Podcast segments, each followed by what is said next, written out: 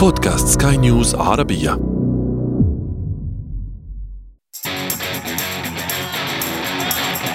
أثير المونديال.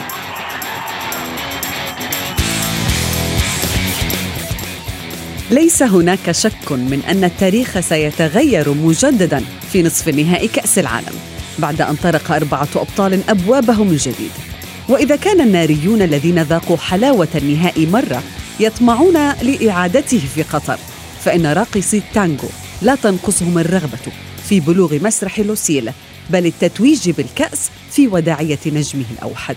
وسنتابع هذا السيناريو ونحن نفكر بالأسود الرائعة في لقاء فرنسا الساحرة. دعونا ندخل بالتفاصيل في أثير المونديال. معي أنا شذى حداد والبداية من العناوين.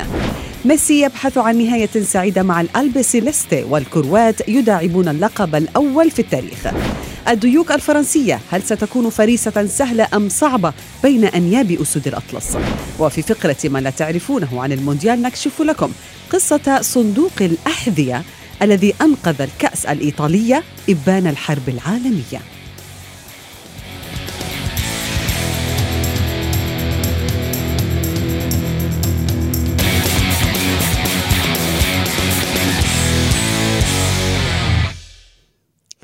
أهلا ومرحبا بكم مستمعينا الكرام أينما كنتم في حلقة جديدة من أثير المونديال وفيها انحصرت المنافسة. على لقب النسخة الثانية والعشرين من كأس العالم بين أربعة منتخبات تمثل ثلاث قارات للمرة الثانية فقط بتاريخ المونديال. وعلى الأراضي العربية تغيرت الخريطة بدخول منتخب أسود الأطلس على خط مربع الكبار.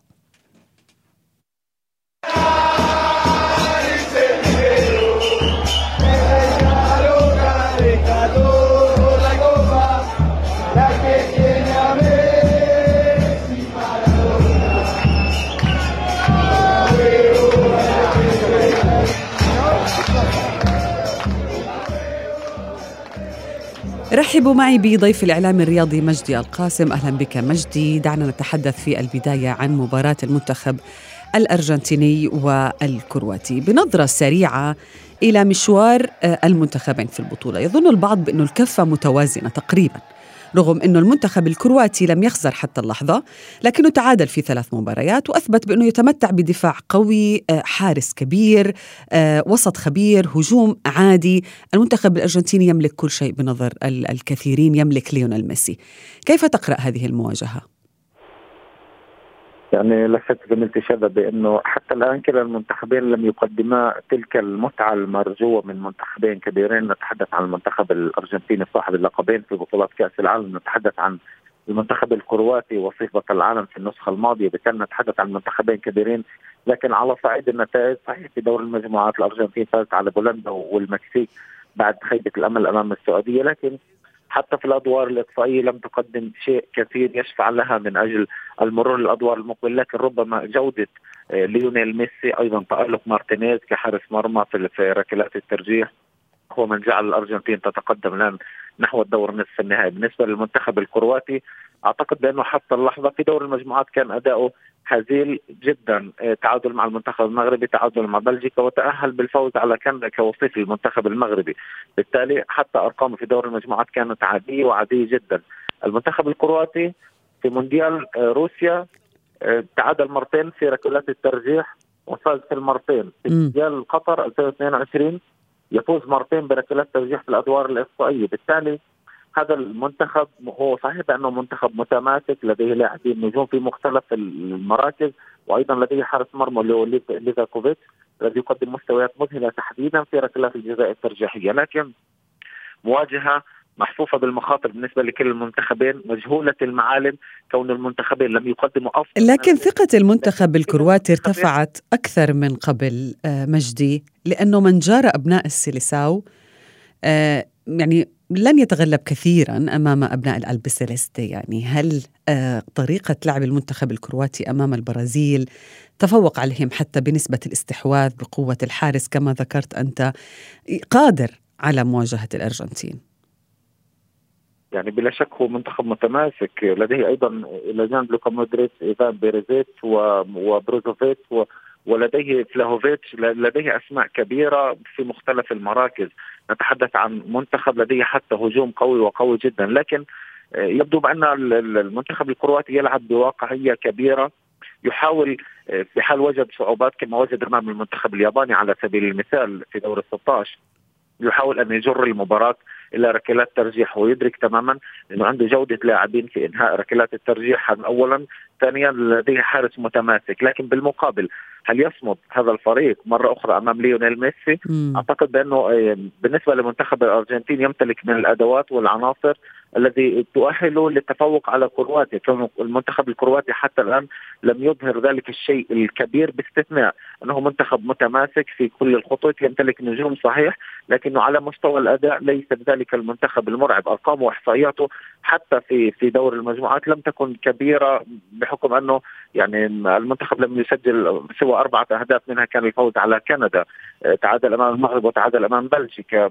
بكل تأكيد ليس ذلك المنتخب المرعب هجوميا. إنما سيجر ربما سيجر المنتخب الارجنتيني إلى ركلات الجزاء الترجيحية كما اعتدنا في المباراتين السابقتين بالنسبة للمنتخب الكرواتي في الأدوار الإقصائية. وهذه نقطة قوة بالنسبة لهذا المنتخب وأعتقد بأنه يركز عليها بشكل كبير في هذا الوقت بالذات كونه سيواجه منتخب أرجنتيني قوي ومتحفز. بالتالي آه، سيغلق المنافذ أمام مفاتيح اللعب بالنسبة مجدي الكثير من المراقبين. ستذهب الادوار الأوقات الاضافيه الكثير من الناس يعني يتوقع أن يكون هناك سيناريو مشابه لل 2018 وأيضا المراقبين توقعوا أن تصل الأرجنتين إلى هذا الدور بل إلى النهائي. نظرا للسجل الرائع من سلسلة عدم الخسارة على التي وضعها طبعا على رأس المرشحين قبل آه، المونديال بعدد كبير من المباريات من دون هزيمة. أيضا المباراة التي انتهت بركلات الأعصاب آه، إن صح التعبير ليس ركلات الحظ فقط أمام هولندا. هل ارتفعت معنويات الأرجنتين بعد هذه المباراة أم أن الأجواء ما زالت مشحونة بسبب ما جرى في مباراة هولندا والأرجنتين؟ يعني لا شك بأنه لكل مباراة خصوصية فشاهدنا المنتخب الأرجنتيني كيف أدار مباراة هولندا بشكل جيد تقدم بهدفين لكن ربما الاستسهال الذي وصل إليه لاعبو المنتخب الأرجنتيني ما بعد الهدفين جعل المنتخب يخرج ذهنيا من أجواء المباراة ويتلقى هدفين لكن سرعات ما عاد. وطبعا آه، كلنا شاهدنا حالة الجدل التي أثيرت والمشاكل الكثيرة التي أثيرت بين المنتخبين في تلك المباراة لكن أعتقد ان المنتخب الأرجنتيني الآن يصب كامل تركيزه على هذه المباراة ويمتلك أيضا لاعبين مميزين في مختلف الخطوط. يمتلك لأول مرة ربما من سنوات كثيرة مارتينيز حارس مرمى متميز سواء في المباريات أو حتى في ركلات الترجيح. يمتلك لاعب هو إنزو فرنانديز أحد أجمل المفاجآت في البطولة أعتبره هذا اللاعب الذي يبلغ من العمر فقط 21 سنة يقدم مستويات مذهلة.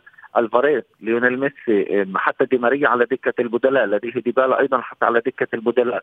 بالتالي يمتلك أدوات وعناصر للاطاحه بأي منتخب. لكن سكالوني ربما عليه الكثير من المآخذ في عدم إشراك ديبالا مثلا الاعتماد على ديبالا في بعض المباريات التي كان فيها ربما يحتاج ديبالا. لكن دائما ما يبرر أنه يلعب في مركز ليونيل ميسي وبالتالي لا يمكن أن أشرك لاعبين في نفس المركز بنفس المهمة. أعتقد أن المنتخب الارجنتيني يمتلك أفضلية نسبيه نعم. عن المنتخب الكرواتي مع الإشادة دائما دعني دعني أعود إلى هذه النقطة تحديدا. آه، تحتاج الحديث أكثر حقيقة مجدي ولكن آه، دعنا نذهب في فاصل قصير بداية ونعود إليها بعد هذا الفاصل.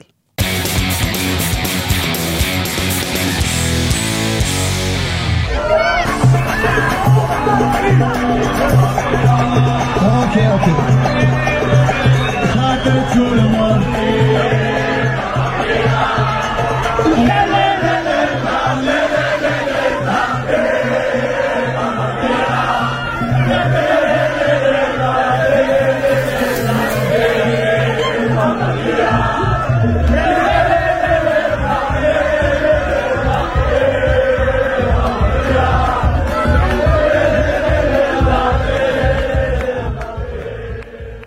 أهلا بكم من جديد مستمعينا الكرام. نرحب بضيفي مجد القاسم من جديد وأيضا ينضم إلينا الصحفي الرياضي يوسف الشاطر. أهلا بك يوسف في أثير المونديال. يوسف كنت أتحدث أنا ومجدي عن الأرجنتين وكرواتيا. أعطينا بعض الوقت قبل أن نذهب إلى المباراة الأهم بنظرك وبنظر الكثيرين المنتخب المغربي والفرنسي أكيد ولكن آه، تحدث مجدي عن تشكيلة بنظره هي تشكيلة مرعبة للمنتخب الأرجنتيني أسماء كبيرة جدا ولكن لاحظنا في كل مباراة بأن ميسي يصفق وحده.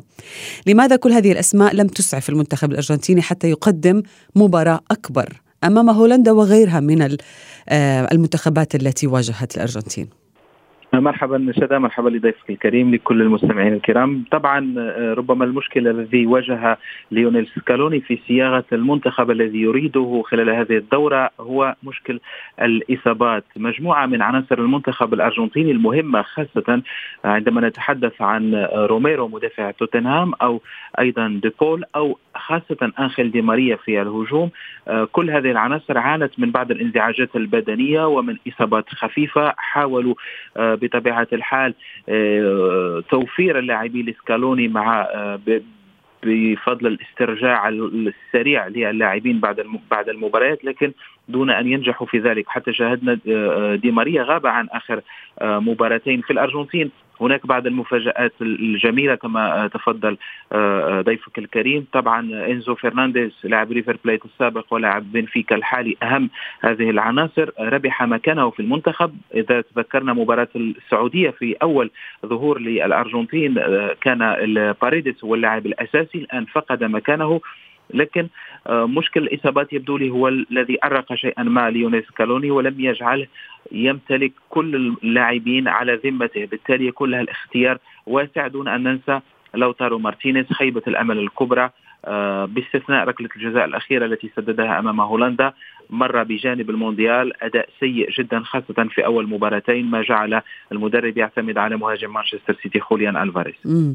يوسف إلى المغرب وفرنسا. كيف الأعصاب اليوم يوسف؟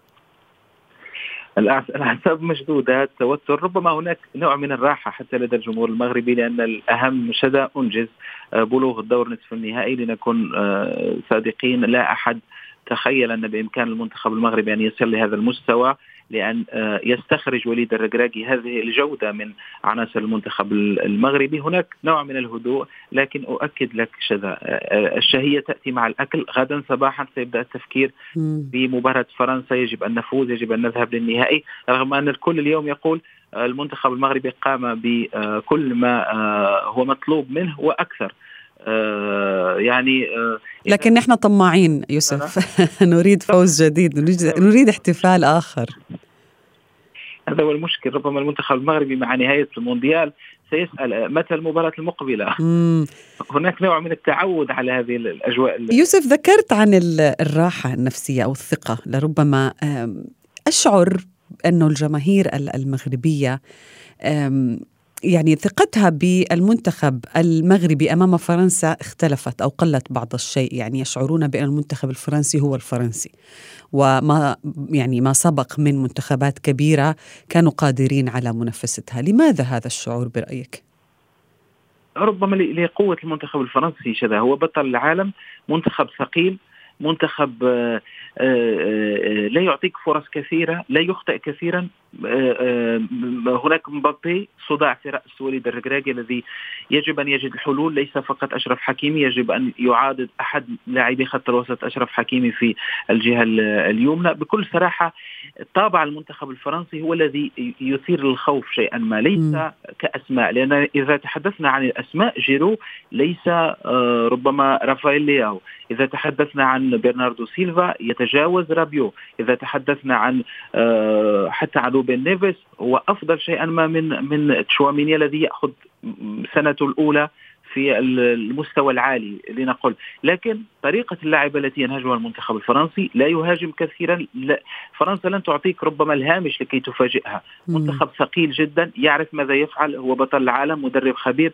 لذلك غدا المنتخب المغربي يجب أن يكون ذكي في التعامل مع المباراة لأن المنتخب الفرنسي في أول خطأ سيعاقبك آه، صحيح. بشكل مباشر. مجدي كيف ستكون الحلول؟ يعني آه، يقول يوسف بأن هناك يجب أن نجد حلول ربما آه، يقصد يوسف بالثغرة الهجومية في المنتخب المغربي. أنت بنظرك شو الحلول حتى يتم إحراج المنتخب الفرنسي كما تم مع منتخبات كبيرة أخرى في المونديال من قبل المنتخب المغربي؟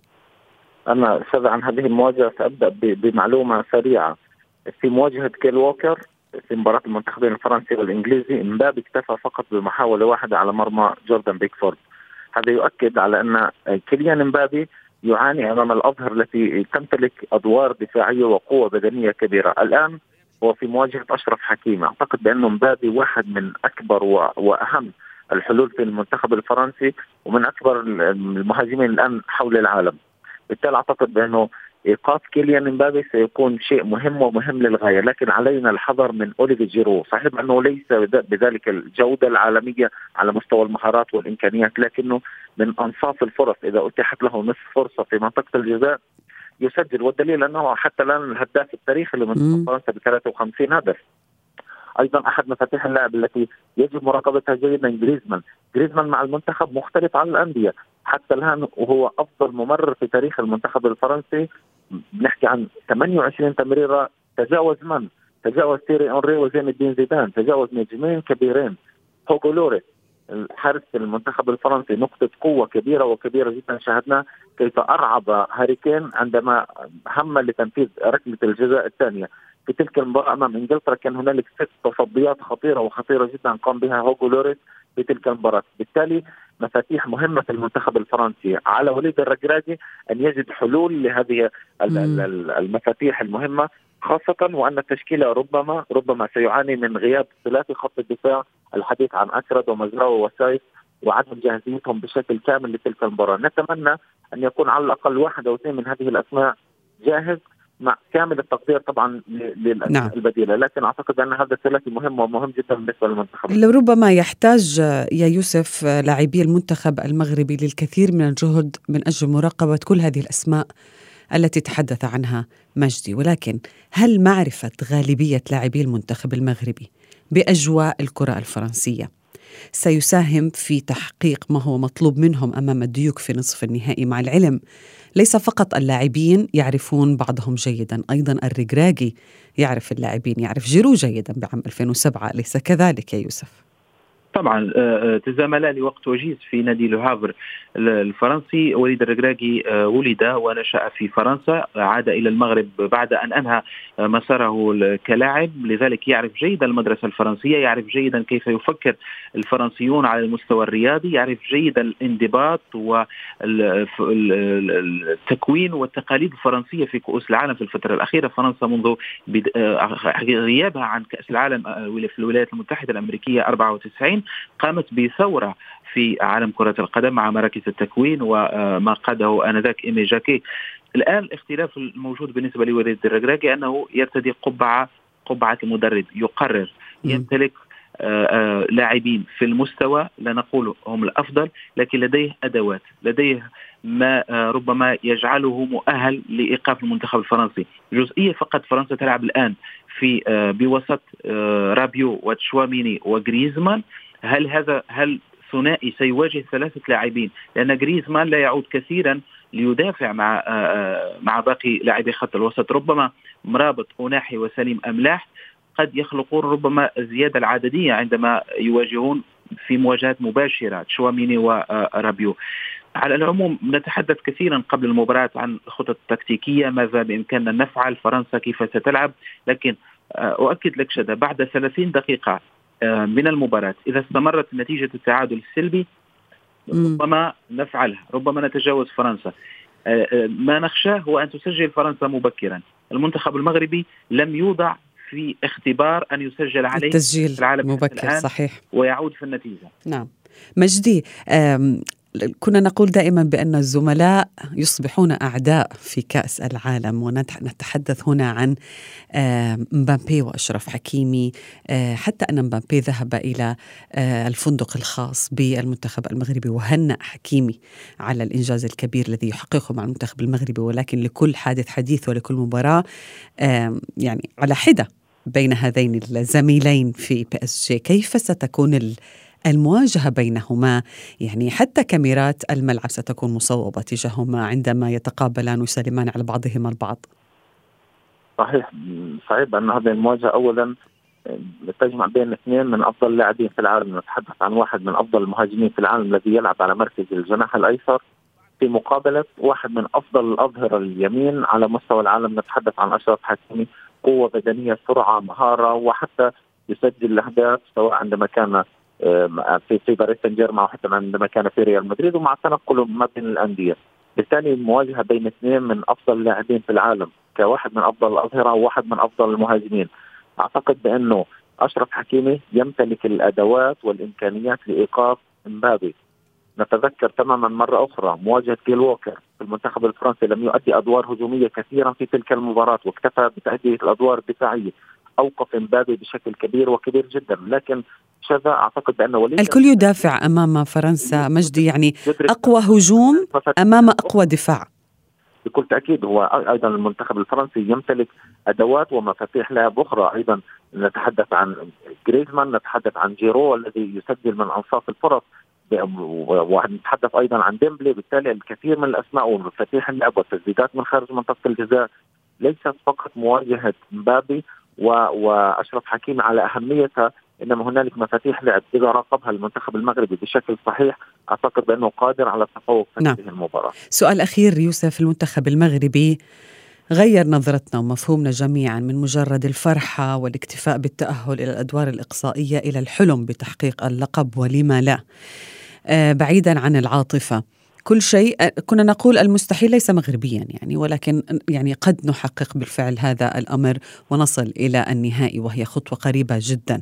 بنظرك وبتوقعاتك من سيكون طرفي النهائي في كأس العالم 2022 بكل تجرد ربما شدا المغرب وكرواتيا. المغرب وكرواتيا. وأنت مجدي ماذا تتوقع؟ هل المغرب وكرواتيا؟ المغرب الأرجنتين. أنا أضم صوتي إلى صوتك مجدي أعتذر لك يوسف. يعني أنا أتخيل بأن الأرجنتين لربما أقرب للتأهل إلى النهائي. ولكن كلنا نتمنى أن تتأهل أسود الأطلس إلى هذه المباراة. لأنه نحتاج إلى احتفالات أكثر. يعني نحن كما ذكرنا نطمع بالمزيد. كل الشكر لكما ضيفي آه، الإعلام الرياضي مجدي القاسم والصحافي الرياضي يوسف الشاطر.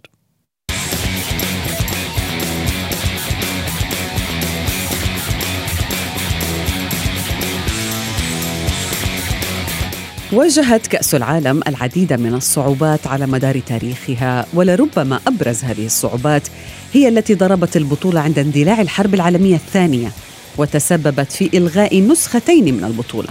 وفي فقرة ما لا تعرفونه عن المونديال نكشف لكم أين أخفيت الكأس خلال فترة الحرب والتي شاركت فيها إيطاليا ضمن دول المحور بعدما توج منتخبها باللقب الأول عام 38 عند الحرب العالمية الثانية خشي أوتورينو باراسي وهو نائب رئيس الاتحاد الإيطالي لكرة القدم من إمكانية تعرض الجائزة الذهبية للدمار أو على أقل تقدير تعرضها للسرقة. فلجأ إلى حيلة ذكية من أجل الاحتفاظ بهذه الكأس. تمثلت بوضعه داخل صندوق أحذية قديم وإخفائه تحت السرير الخاص به. وهي الحيلة التي نجحت في النهاية بالاحتفاظ بكأس العالم دون أن يلحقها الأذى طوال فترة الحرب العالمية الثانية. ويذكر بأن القوات الألمانية النازية ألقت القبض على رئيس الاتحاد الإيطالي للعبة في ذلك الوقت وقامت بتفتيش منزله للبحث عن مكان الكأس.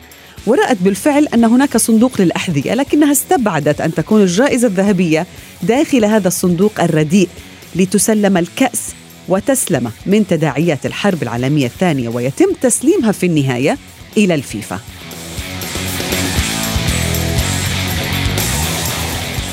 وصلنا إلى صافرة النهاية من أثير المونديال. انتظرونا في موعد جديد. هذه تحياتي أنا شذى حداد. إلى اللقاء.